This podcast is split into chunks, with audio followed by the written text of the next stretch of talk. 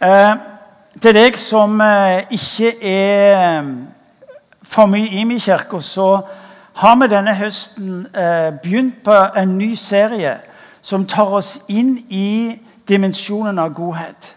Eh, vi pleier å si det slik at eh, vårt fokus gjennom mange år har vært et fokus på hva, hva, hva, godhet er. Hva gjør du med hensyn til godhet? Mens det vi nå opplever Gud tar oss inn i, det er hva godhet er.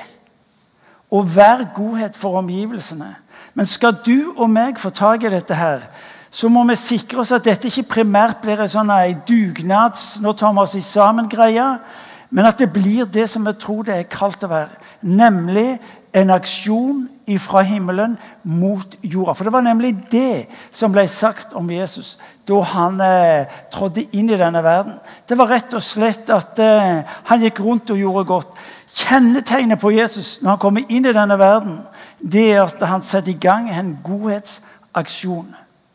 Og nå så kan du og meg tenke ok, det var greit, men Jesus hadde bestemte forutsetninger for å gå i gang med godheten. Ja, det er riktig, men poenget er at hvis ikke du får tak i Når Bibelen snakker om godhet, så ligger det på et helt annet nivå. Det representerer noe helt annet enn det du og meg normalt tenker. Vi tenker at godhet det er bare å skjerpe seg litt, se folk rundt deg, være offensiv, og så gir du et eller annet som gjør at folk blir fornøyd og happy.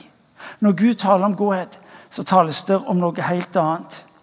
Eh, godhet, godhet for oss som er kristne, den starter med Gud. For så høyt har Gud elska verden at han at han gir sin sønn for at hver den som tror på ham, ikke skal gå fortapt, men ha evig liv. Det interessante er at når Bibelen snakker om godhet, så går den flere hundre år tilbake i tid før Jesus trør inn på arenaen. Når Bibelen er opptatt med å snakke om godhet, så snakker den om godhet og konsekvenser på den ene sida, men den snakker om en pris på den andre sida. Og det er det vi skal eh, se litt på i kveld. Men før vi går videre, la oss be sammen. Herre Jesus Kristus, jeg takker deg fordi at du kommer til denne verden, rekker du oss ikke en bruksanvisning på et eller annet religiøst liv. Men du velger en vandring, og du velger et offer som gjør at ingen av oss som mennesker skal kunne klare å definere oss ut forbi din nåde og din godhet. Herre Jesus Kristus, jeg takker deg fordi at du, du, du demonstrerer for oss at du ikke er en Gud som bare har det i religiøse termer, men du kommer så nær at du tar vår plass, at du dør for oss. Og Nå ber jeg ved din ånd at du skal åpne øynene våre så vi ser det. At du skal åpenbare for oss på en slik en måte at vi skjønner at når du taler om godhet, så taler du om liv. Jesus, vi ber om det i ditt hellige navn. Eh, et av de sterkeste, et av de sterkeste stedene hvor Bibelen taler om godhet, der Bibelen er opptatt med å rekke oss eh, nærhet til og kontakt med Guds godhet. Det leser du om i det som Bibelen kaller for Jesajas, profeten Jesajas 53. Og Vi skal lese de kjente versene sammen fordi at eh, det skal få lov til å tas inn i hvordan Gud tenker, hvordan Gud handler.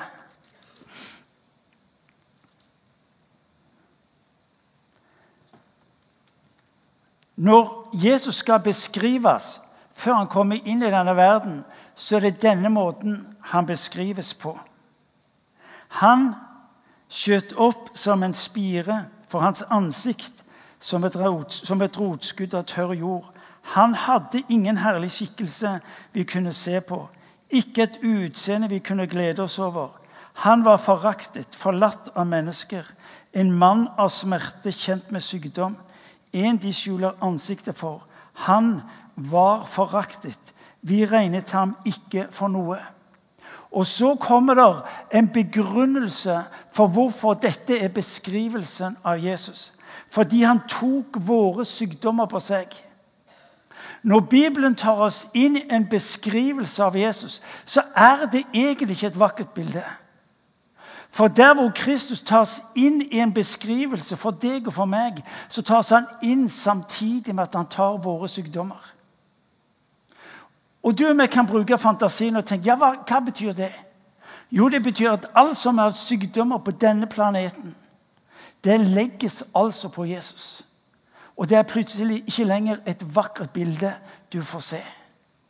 Det er et menneske som altså er vel vant med smerte.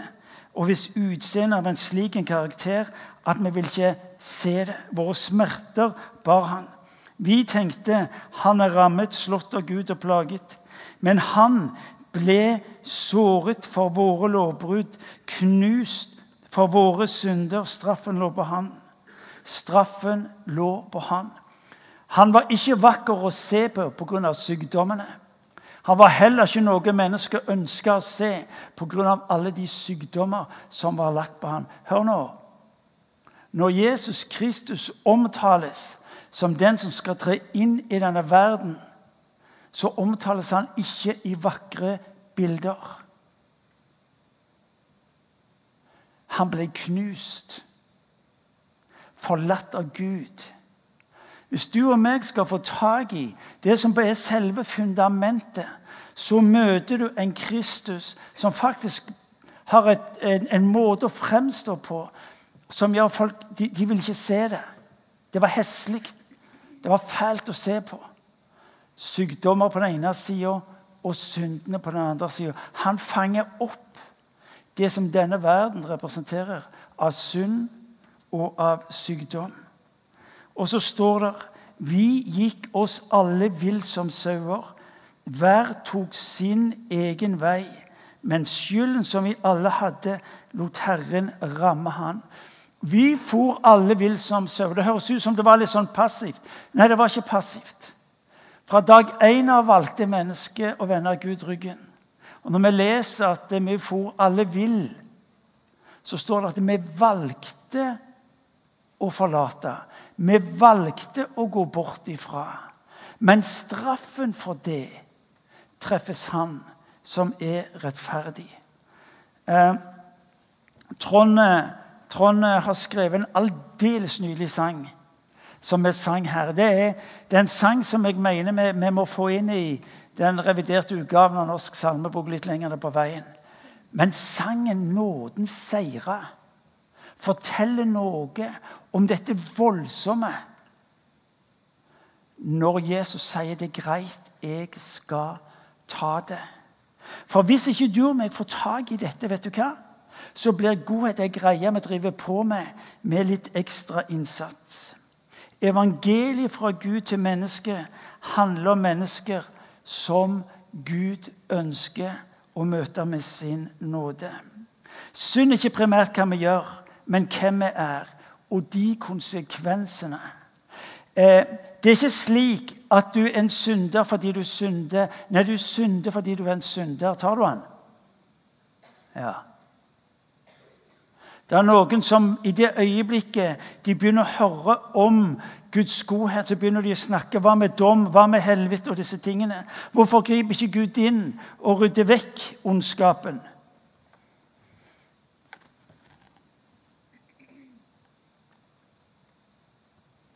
Saken er den at når vi leser evangeliet om Han som dør for mennesker, så dør han for alle mennesker.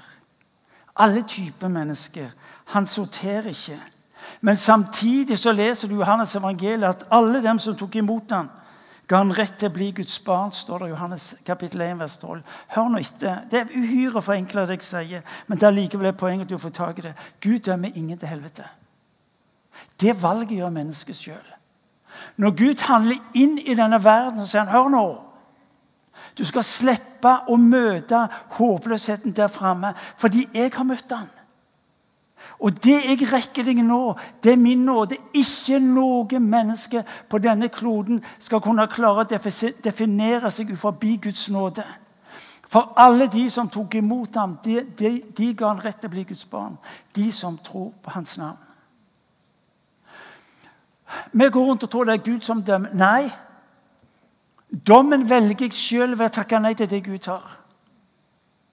Og det må mennesker på et vis få tak i. For vi blir ofte så, ja, men Hvis Gud er god, hvordan kan han da? Gud dømmer ingen. Mennesket velger selv dommen. Fordi det står at en dag så skal denne jorda stå, sier Skriften, skal denne jorda på et vis sånn pakkes ned og så skal han fremstå som ny.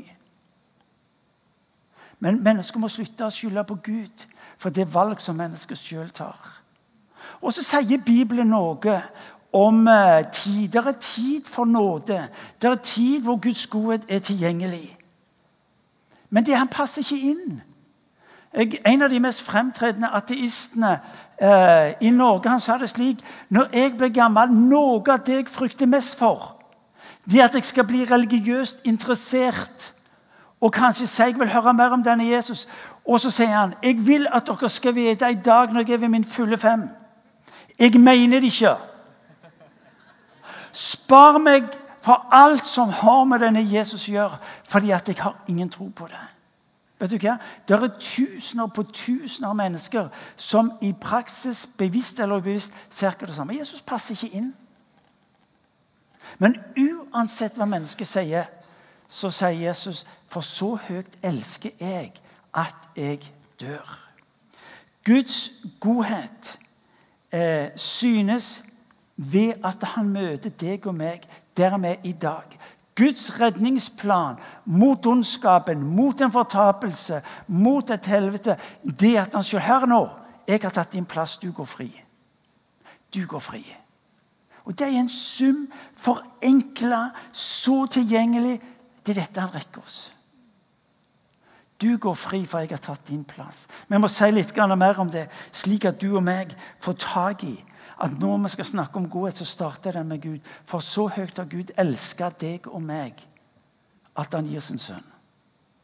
Verden er greit, men det er deg og meg.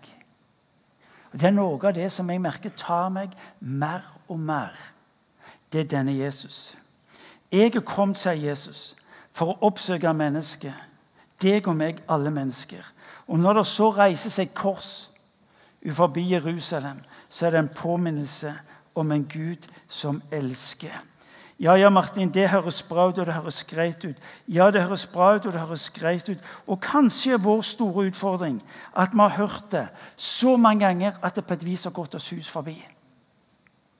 Derfor må det gjentas. Vi leser fra Paulus sitt brev til Filipperne kapittel 2. Der står det at han var i Guds skikkelse og så det ikke som et rov å være Gud lik, men ga avkall på sitt eget, tok på seg eh, tjenerskikkelse og ble mennesker lik. Da han sto fram som menneske, fornedret han seg selv og ble lydig til døden, ja, døden på korset. Derfor også Gud opphøyt han til det høyeste og gitt ham navnet over alle navn. I Jesu navn skal derfor hver kne bøye seg i himmelen og på jorden og under jorden, og hver tunge skal bekjenne at Jesus Kristus er Herre, til Gud Faders ære. Når du og meg hører ordet godhet, så tar Bibelen oss inn i et møte med et Guds farshjerte som er på utstilling. Jo, under, tegn og mirakler. Det som tiltrakk mennesker. Det som gjorde at mennesker opplevde at de var en del av en ny dimensjon. Og så er Bibelen opptatt med at hør nå, der du først og fremst får øye på mitt hjerte, det er når du ser en Jesus Kristus som henger på et kors. Når vi leser i denne teksten fra Filippa-brevet, så står det i Guds ord at Fader, Sønn og Hellig Ånd, treenighet, det fullkomne, det perfekte Det var ingen støy, det var ingen synd. Der er, der er det ingenting som er av det vanskelige som preger denne verden. Og så står det at han en dag står opp og så legger han av seg billedlig talt Nå møter vi billedspråket. Så legger han av seg, om du vil, kongeverdigheten. Og så sier han, 'Jeg skal ta mennesket sin plass'.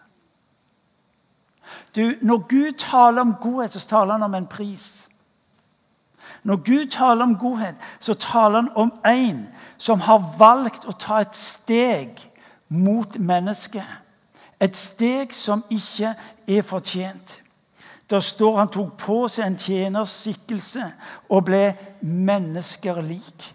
Det er nesten, Jeg vet bildet er, er, er, banalt, men det er nesten som den mektigste mannen på kloden USAs president, skulle på et vis legge ned hele sin verdighet og all sin makt og finne det fattigste og mest simple mennesket på kloden og si vet du hva, jeg vil være din tjener. Og så vil du si men hør nå, vet du ikke hvem Jo, jeg vet hvem jeg er. Men nå legger jeg det ned fordi at du skal vite at jeg har ett fokus.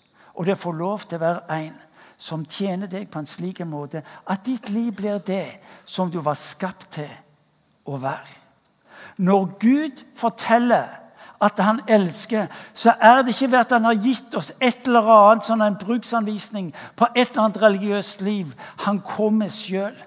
Der, der, de ulike religionene forteller om alt det du skal gjøre for å nå et eller annet nirvana eller en eller annen type opplysthet eller en type paradis, så forteller altså Bibelen ikke om hva du skal gjøre, men du blir presentert for noe som en Gud har gjort. Det fortelles at Jesus tar av seg sin kongeverdighet. Og så går han inn i denne verden, og han kommer inn i denne verden som tjener. Du? Du og meg, du og meg trenger å stoppe opp litt og spørre eh, her er det annet som ikke stemmer. Her er det annet som ikke stemmer.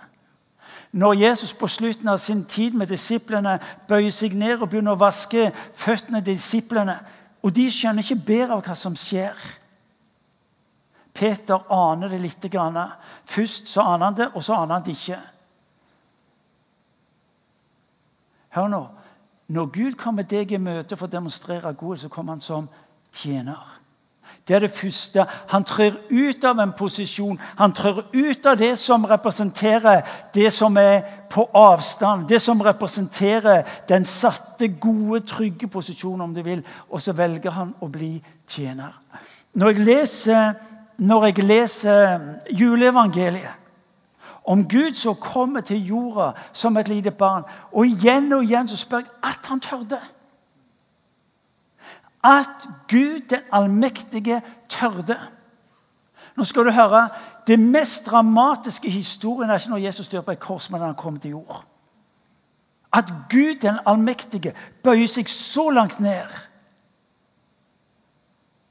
og blir menneskelik. En tjener. Det er det første du får øye på. Det at han bøyer seg helt ned helt ned til deg og meg. Ble menneskelig. Det betyr at det, det, det er ingen forskjell. Ingen forskjell. Da han sto fram som et menneske, fornedret han seg selv og ble lydig til døden. Ja, døden på korset. Og Dette må du få tak i. For Når Bibelen snakker om at han fornedret seg og ble menneskelig, så tenker vi ok, han ble min bror. Nei, nei. Det var ikke dette at han ble lik med, men han fortsatte videre nedover. For å fange opp. For å fange opp alt det mennesket representerte. Også av synd og skam og dom. Det er nesten så du kan si ok, det er jo fascinerende at Gud den allmektige blir menneske. Ja, det er fascinerende, men det som er det mest fascinerende, er at han fortsetter videre nedover om du vil, ned i kjelleren. Inn i alle de stengte rommene. Inn i alt det du er med klarer på en viss grad å enten holde kontroll på eller osv. Helt ned. Og han ble lydig til døden. Ja, døden på korset. Folkens, dette, dette, Det er nesten så du tenker men dette gir jo ikke mening. Og Derfor ble det kalt for en dårskap. For jøder en dårskap. Altså idioti. Det gir jo ikke mening. For jøder så var det en anfektelse. Det betydde at eh, ja, men den som henger på et kors, den er jo forbanna. Og så velger Jesus både idiotien og forbannelsen i menneskers øyne sett.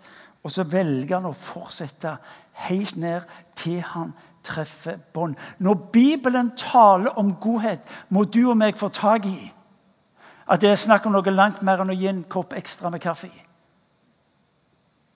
et kakestykke. Når Bibelen taler om godhet, så tales det om en pris som du og meg eh, er nødt til å få tak i hvis vi skal få tak i dette her. Derfor har Gud også opphøyd ham til det høyeste og gitt ham navnet over alle navn. Jesus Jesus har betalt en pris for deg og for meg. Når Bibelen taler om Guds godhet, snakkes det ikke om overskudds godhet. Et ord om et mirakel og en sånn en utstrekt hånd for en eller annen undergjerning. Det er betalt en pris for deg. En pris som gjelder alle, sier han. For så høyt har Gud elska verden. Det betyr alle. Grenseløst. Nåde gratis. Med alt denne verden representerer skille og nivåer, hos Jesus finnes det kun én virkelighet. Én virkelighet. Mennesket trenger nåde. Du og meg hører ofte om mennesker som dør for en god sak. Dør Jesus for den gode saken? Ikke vær for rask med å svare nå. Dør Jesus for den gode saken? Jo, vi vil si det er fantastisk for en som dør for de menneskene som er fromme, og som er hellige, og som har livet på stell og får tingene til å gå i. Ja, de! Ja, det er, godt, det er godt at noen vil være så idealistiske at de dør for det gode i, i, i, eh, samfunnet. Ja, Men hva, hva skulle dø for de onde? De stygge? Hva skulle betale en pris hvor du går til bånn for å ta plassen for de verste menneskene du og kan tenke? Ja, det er noe helt annet. Du og meg sorterer. Du og meg forteller ja, men disse var det bra at han døde for. For disse, disse har jo betydd noe. Disse har jo ofra noe. Disse representerer det gode i samfunnet. Men den gjengen her, er det noe de fortjener, så er det jo virkelig dommen og døden og alt det vi er i stand til å kunne produsere for å ta liv av de som ikke fortjener det.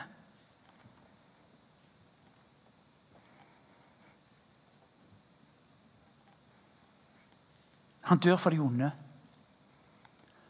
Han dør for de stygge.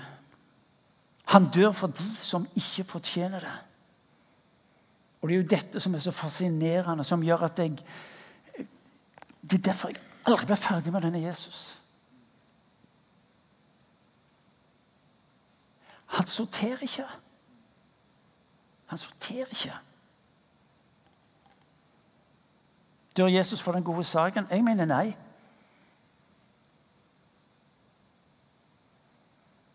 Dør han for de som fortjener det? Nei.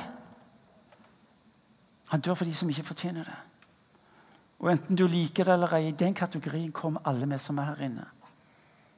For du og meg driver på å sammenligne oss med hverandre. og og hvis jeg taper sammenligningen et sted, så finner jeg alltid noen andre jeg kan sammenligne med. Vi er jo gysla gode på det. ikke sant? Det er jo bare snakk om å finne de rette å sammenligne seg med. Så kommer jo de fleste av oss rimelig godt ut. Ja. Men i forhold til Guds standard så sier Bibelen at vi har alle synder. Og vi mangler, vi mangler det vi trenger for å stå rett innenfor Gud. For så høyt har Gud elska verden. Ja, men Martin, dette har jeg hørt mange ganger før. Ja, det opptar meg forferdelig lite. Jeg hører stadig vekk folk si ja, men det har jeg hørt mye. Ja, det er ikke farlig. Lever du i det? Det er noe helt annet, det. Ja, det har jeg hørt før. Jeg husker fra en tid tilbake, eh, noen år tilbake Vi hadde besøk av ulike eh, talere. og Noen av dem kom fra utlandet. Og, og, I løpet av en toårsperiode så hadde vi fem-seks talere, og alle talte om det samme. Og jeg tenkte hva, hva dere holder på med? Har dere samme sånn type adresse å få inn dette her? Og vi hadde det oppe, jeg husker vi hadde det oppe styremøte. Et styremøte var altså hakkende gale fordi de ikke kunne få inn folk som kunne forkynne om noe annet. Så der satt jeg og tenkte ja vel, hva, hva, gjør jeg nå? Så plutselig så slo det meg. Det kunne jo være at vår Herre ønska at vi skulle få tak i et poeng. Er du med? Det er jo ikke sikkert at Vår Herre har gått uh, surr i arkivet sitt. Det kan jo bare være at vi som ikke får tak i det Er dere med meg? Ja. Hvis du tror du har grepet dette mysteriet, så skal jeg fortelle deg at du er ikke i nærheten. For når Gud tar deg inn i dette mysteriet for Jeg skal si litt om det avslutningsvis. Når Gud tar oss inn i, sitt mysterium, så snakker han om å åpenbare. Og det er noe helt annet. Vi snakker om en korsmerka godhet. Vet du hva? Vi må hjelpe folk til ikke å høre seg sjøl utfor. Bli der godheten lukker de inn forbi. Guds godhet åpenbart. Vet du hva? Når Bibelen snakker om om åpenbart så snakkes det om et mysterium. Åpenbaring kommer til meg utenfra. Det er noe jeg ikke hadde tilgang på før. Jeg, det må bli gitt meg. Eh, noe vi ikke klarer å finne på oss sjøl. Når Bibelen snakker om i Titus kapittel 3-4 Dere skal få med den òg, slik at vi eh, holder, holder, oss til Skriften. sånn så. Der står det i, i, i Titus kapittel 3, vers 4 Men det ble åpenbart hvor god vår Herre og Frelser er, og at Han elsker menneskene. Han frelser oss ikke pga. våre rettferdige gjerninger, men fordi Han er barmhjertig. Men det ble åpenbart. Åpenbart betyr gitt oss. Ikke noe vi oppnår. Men det er knytta til relasjonen eh, til Jesus Kristus. Uten åpenbaring hvor folket vil. Vet du hva? Denne boka er noe langt mer enn bare trykksverta på noe papir. Men den forblir å være det hvis ikke det som står her, blir åpenbart. Ja, hva vil det si? Avdekka. Du får sjanse til å se noe som du egentlig ikke ser med det naturlige øyet ditt. Og det er godt mulig du vil mene at Martin må være enkelt og tilnærmet tilbakestående. Men greia er den at hver gang jeg leser Bibelen, sier jeg hva står her. Så kan du si, men det er bare til å lese hva det står, så ser du det. Ja, men det er bare at jeg, jeg kan ikke bare lese hva det står, for jeg må spørre hva står her. Det betyr Hva står der? Tar du den? Ja. Hva står her virkelig? Hjelp meg til å se bak, hjelp meg til å se gjennom. Hjelp meg til å få tak i det som ord ikke klarer å beskrive. Hvordan i all verden kan trykksverte på papir klare å gi deg det som er åpenbaring om Gud den allmektige? Det siste der er egentlig ikke dumt sagt. Ja, Hvis du tenker etter Hvem i all verden kan beskrive med ord allmaktens Gud slik han fremstår i denne verden? Kjør. Vet du hva? Derfor spør jeg alltid Kjære Gud, hva står her? Det er et glimrende utgangspunkt for at Gud begynner å åpenbare for deg. Vet du hva Kristendom kalles for såkalt åpenbaringsreligion. Det vil si at du får tak i dens sannheter. Hva Guds ånd begynner å ta vekk. vet du. Dekke for dekke, og så ser du å, det er de der står. Husk på, Jeg har vært en sånn en Jesus-følger i mer enn 44 år. Og min bekjennelse Ikke si det til for mange av dere greier det galne nå at nå har du til og med på video. Det burde nesten sladda her. Det at Å jo, jeg kan nok mer enn hva jeg noen gang har gjort med hensyn til Bibel og det som har med Jesus å gjøre. Men jeg tror jeg vet mindre enn noen gang før når det aner meg hvilken verden Guds ånd tar oss inn i når han begynner å åpne Guds ord for oss. Kjære vene, du snakker om å kjenne seg som jeg har begynt i første klasse. Og så tar han oss inn i sitt ord. Bli i mitt ord, sier Jesus.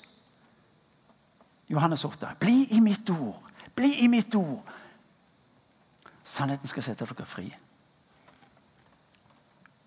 Ja. Tar du den? Du ser det at når Bibelen snakker om åpenbaring, så betyr det ikke 'Å ja, var det det du mente?' Nei, når Bibelen snakker om åpenbaring Han har åpenbart, og så betyr det han gir deg et himmelsk perspektiv på det som står der. Ja, Det er ikke småtterier. Å lese Bibelen og si 'Vet du hva?' Ja vel, hva betyr det? Og så tar han deg inn i Jeg husker jeg sa det en god venn av meg for en tid tilbake. at uh, Han, han ble utfordra på livet. Så sa jeg vet hva du må lese til neste halve året. må du lese Salme 23. Et halvt år. Ja, så du, og så tar du ett ord hver dag. Jeg skal ikke lese mer, sier han. Nei, ett ord hver dag.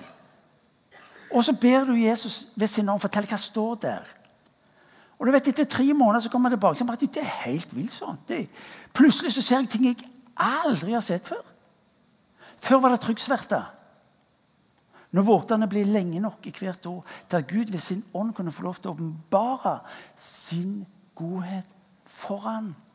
Vi har det så gyselig travelt. Men kapitler har du lest? Jo, Av og til kan det være greit å lese Bibelen på langs. Men det å kunne få lov til ikke? Jeg holdt på med Salme 23 i ett år. Du kan godt mulig bekrefte din tenke om meg at jeg er litt enkel og alt det der. Men det kan jeg leve med. Ja. Men det å få lov til å være Guds ord og la Han åpenbare sine sannheter vet du hva? Um, uten åpenbaring så går folket til grunne. Som jeg sier, Du kan lese Bibelen som trykksvert av papir. Og det trenger ikke si deg et kvidder. Men når bønnen din blir, vil du åpenbare ditt ord for meg. Røre ved øynene mine, hjertet mitt, bli lenge nok hos Han så vil han gjøre noe. Derfor så blir menigheten så ubegripelig viktig for oss. Fordi det er et sted hvor jeg får hjelp til å være til stede når Guds ord åpenbares for meg. Hva mener du herfor? En dag så sier Jesus til, til disiplene sine så spør han, hvem sier folk at jeg er. Du leser om dette i Matteus 16. Hvem sier folk at jeg er? Og så er det litt ulike forslag. Og så sier Peter, Da svarte Simon Peter, du er Messias, den levende Guds sønn. Jesus tok til orde og sa, 'Salig er du, Simons sønn av Jonah'. Og så kunne jo, Simon ha tenkt ok, jeg, det var et poeng. God karakter. Men så er hun ned på bakken med en gang. For dette har ikke kjøtt og blod, kjøtt og blod åpenbart deg, men min far i himmelen. Vet du hva?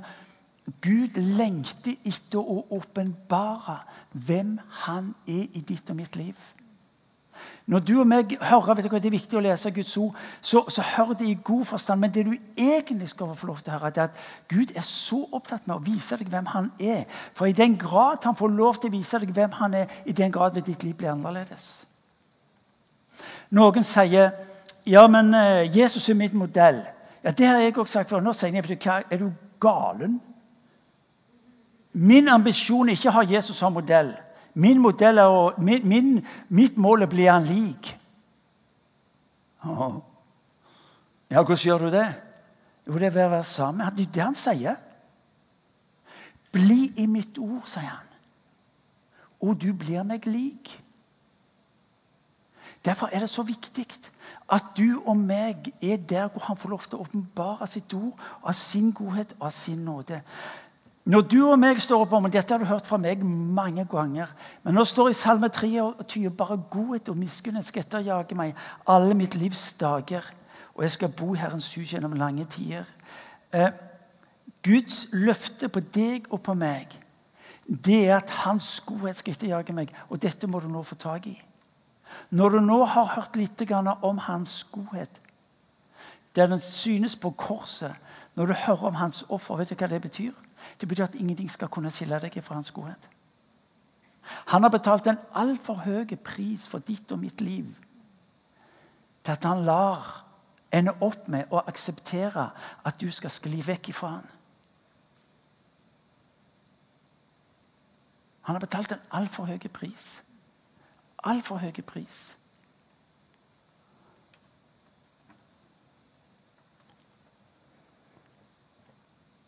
Etterjage meg. Vet du, hva, vet du hva som er ditt og mitt kall? Det å la oss omfavne. Det å la Han få lov til å være Gud. La Han få lov til å møte deg og meg med sin godhet. For når du og meg våger å være i Hans nærhet, vet du hva som skjer? Da blir vi lik Han. Når du og meg våger å se hva, hvilken pris, hvem Han er i ditt og mitt liv, i det øyeblikket begynner du og meg å snakke mindre om kostnader når jeg som unge møtte den forfulgte kirke, Marterkirken i Øst-Europa, så møtte jeg ei kirke som hadde slutta å snakke om kostnadene. Fordi de hadde ett språk, og du vet du hva? Denne Kristus som døde for meg. Hva annet kan jeg gjøre enn å være sammen med han og for de menneskene i vårt land som ikke kjenner han? Og jeg tror at den sterkeste form for evangelisering i vårt land og i denne verden, det er der hvor vi våger godheten. Men denne godheten defineres ut ifra hvem han er og hva han har gjort. Derfor så snakker vi her i huset om en god, eh, om en korsmerka godhet. Jeg skal begynne å slutte. Men jeg kan ikke slutte før du får tak i det siste jeg skal si, for det, det er så viktig. Fordi at når du og meg aner eh, kostnaden ved Guds godhet inn i denne verden, så sier det noe om verdi på deg og meg. Jo, de kan alltids være med og betale et eller annet for noen som fortjener det. Men i det øyeblikket jeg ser en Gud som sier vet du hva, Vis meg det mest motbydelige mennesket på denne kloden. Og du skal vite det, Martin, jeg elsker han like mye som deg. Vet du hva? Det regnestykket går ikke opp. Det får det være måte på. Ville noen av oss ha sagt. Eller antyda, i hvert fall. For hva er det du og meg gjør? Du og meg opererer med verdi. Det er et banalt bilde. Ser dere denne fine? 200 kroner. Jeg har spart lenge for den. Perfekt. Så vidt en liten rynke på den. Men jeg har Ser dere det? 200 kroner. Krøllete, møkkete. Derfor hadde jeg den i papir her. Hvor mye er denne verd? 200 kroner. Hvor mye er denne verd? 200 kroner. Sånn er det Gud ser på deg og meg. Der du og meg er opptatt med nei, der er det så mye drit, og det har gått i stykker, og det skulle vært annerledes. så. Alt det vi driver på, plasserer nei, den Mennesket kan ikke redusere sin verdi. Får du tak i det? Uansett så kan ikke et menneske redusere sin verdi. Guds godhet sier alt om verdien på mennesket. Verdien på et menneske endres ikke, kan ikke reduseres eller sløses vekk.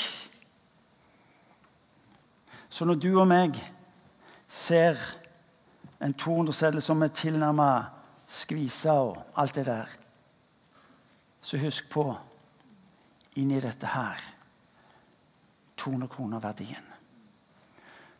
Hvordan kan vi tro det? Jo, fordi vi ser Han som har betalt en pris.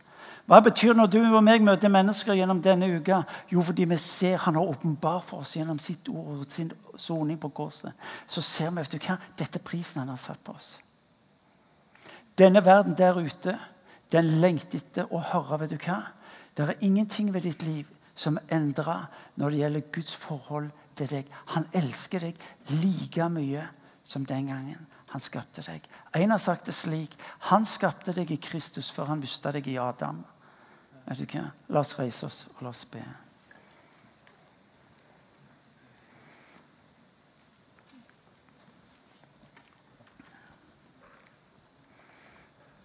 Kan jeg få lov til å utfordre dere denne uka til rett og slett å, å lese mye om, om korset i Bibelen?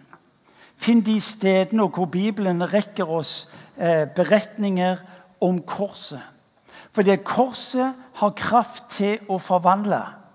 Korset har kraft til å snu opp ned på det du ser i ditt eget liv, men også måten du ser på andre. Kraften i korset, kraften i forsoningen, kraften i dette at Han, Gud den allmektige, trer inn i denne verden trer inn i denne verden og betaler en pris for ditt og mitt liv. Det er det mest ubegripelige når det gjelder Jesus. Forstår jeg det? Nei, jeg gjør det ikke fullt ut, men jeg tror det. Og det er ok. La oss be. Herre Jesus Kristus, vi takker deg fordi at du valgte å komme inn i denne verden. Herre Jesus Kristus, vi takker deg fordi at eh, du betalte en pris så ubegripelig, så stor. Far, jeg ber om at du skal åpenbare det for oss. Vil du avdekke det for oss? Vil du hjelpe oss til å se det i dag og i dagene som kommer?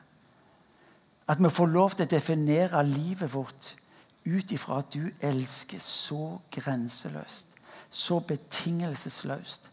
Og der vi har drevet på å nedskrive verdien på eget og andres liv, kommer du til oss og så sier du det er, ikke, det er ingen forandring i ditt hjerte. Ingen forandring. Fordi vi var skapt i Jesus lenge før eh, vi ble mista i Adam. Herre. Vi, vi priser ditt navn. Og Nå ber jeg for meg at du skal komme til den enkelte her vi står.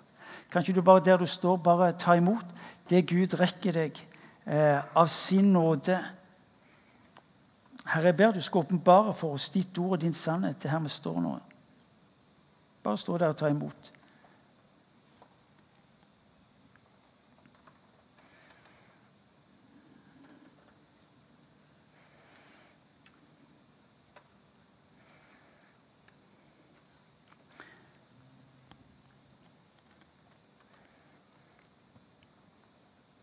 Far, jeg ber du skal la disse dagene som ligger foran oss, skal bli dager hvor eh, du taler til oss ved ditt ord, og hvor du eh, åpner det for oss, slik at vi ser.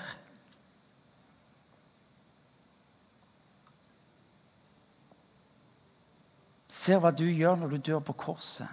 Ser hva du gjør når du, Jesus tar, bærer bort vår synd. Ser, Herre, at ved korset så har vi et nytt utgangspunkt for livet.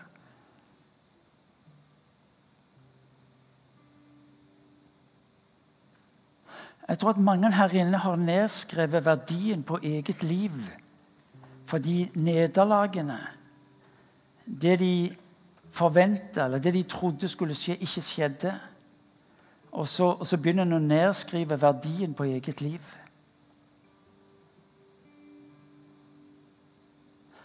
Det som jeg opplever at Gud sier, Du kan aldri nedskrive verdien på ditt liv.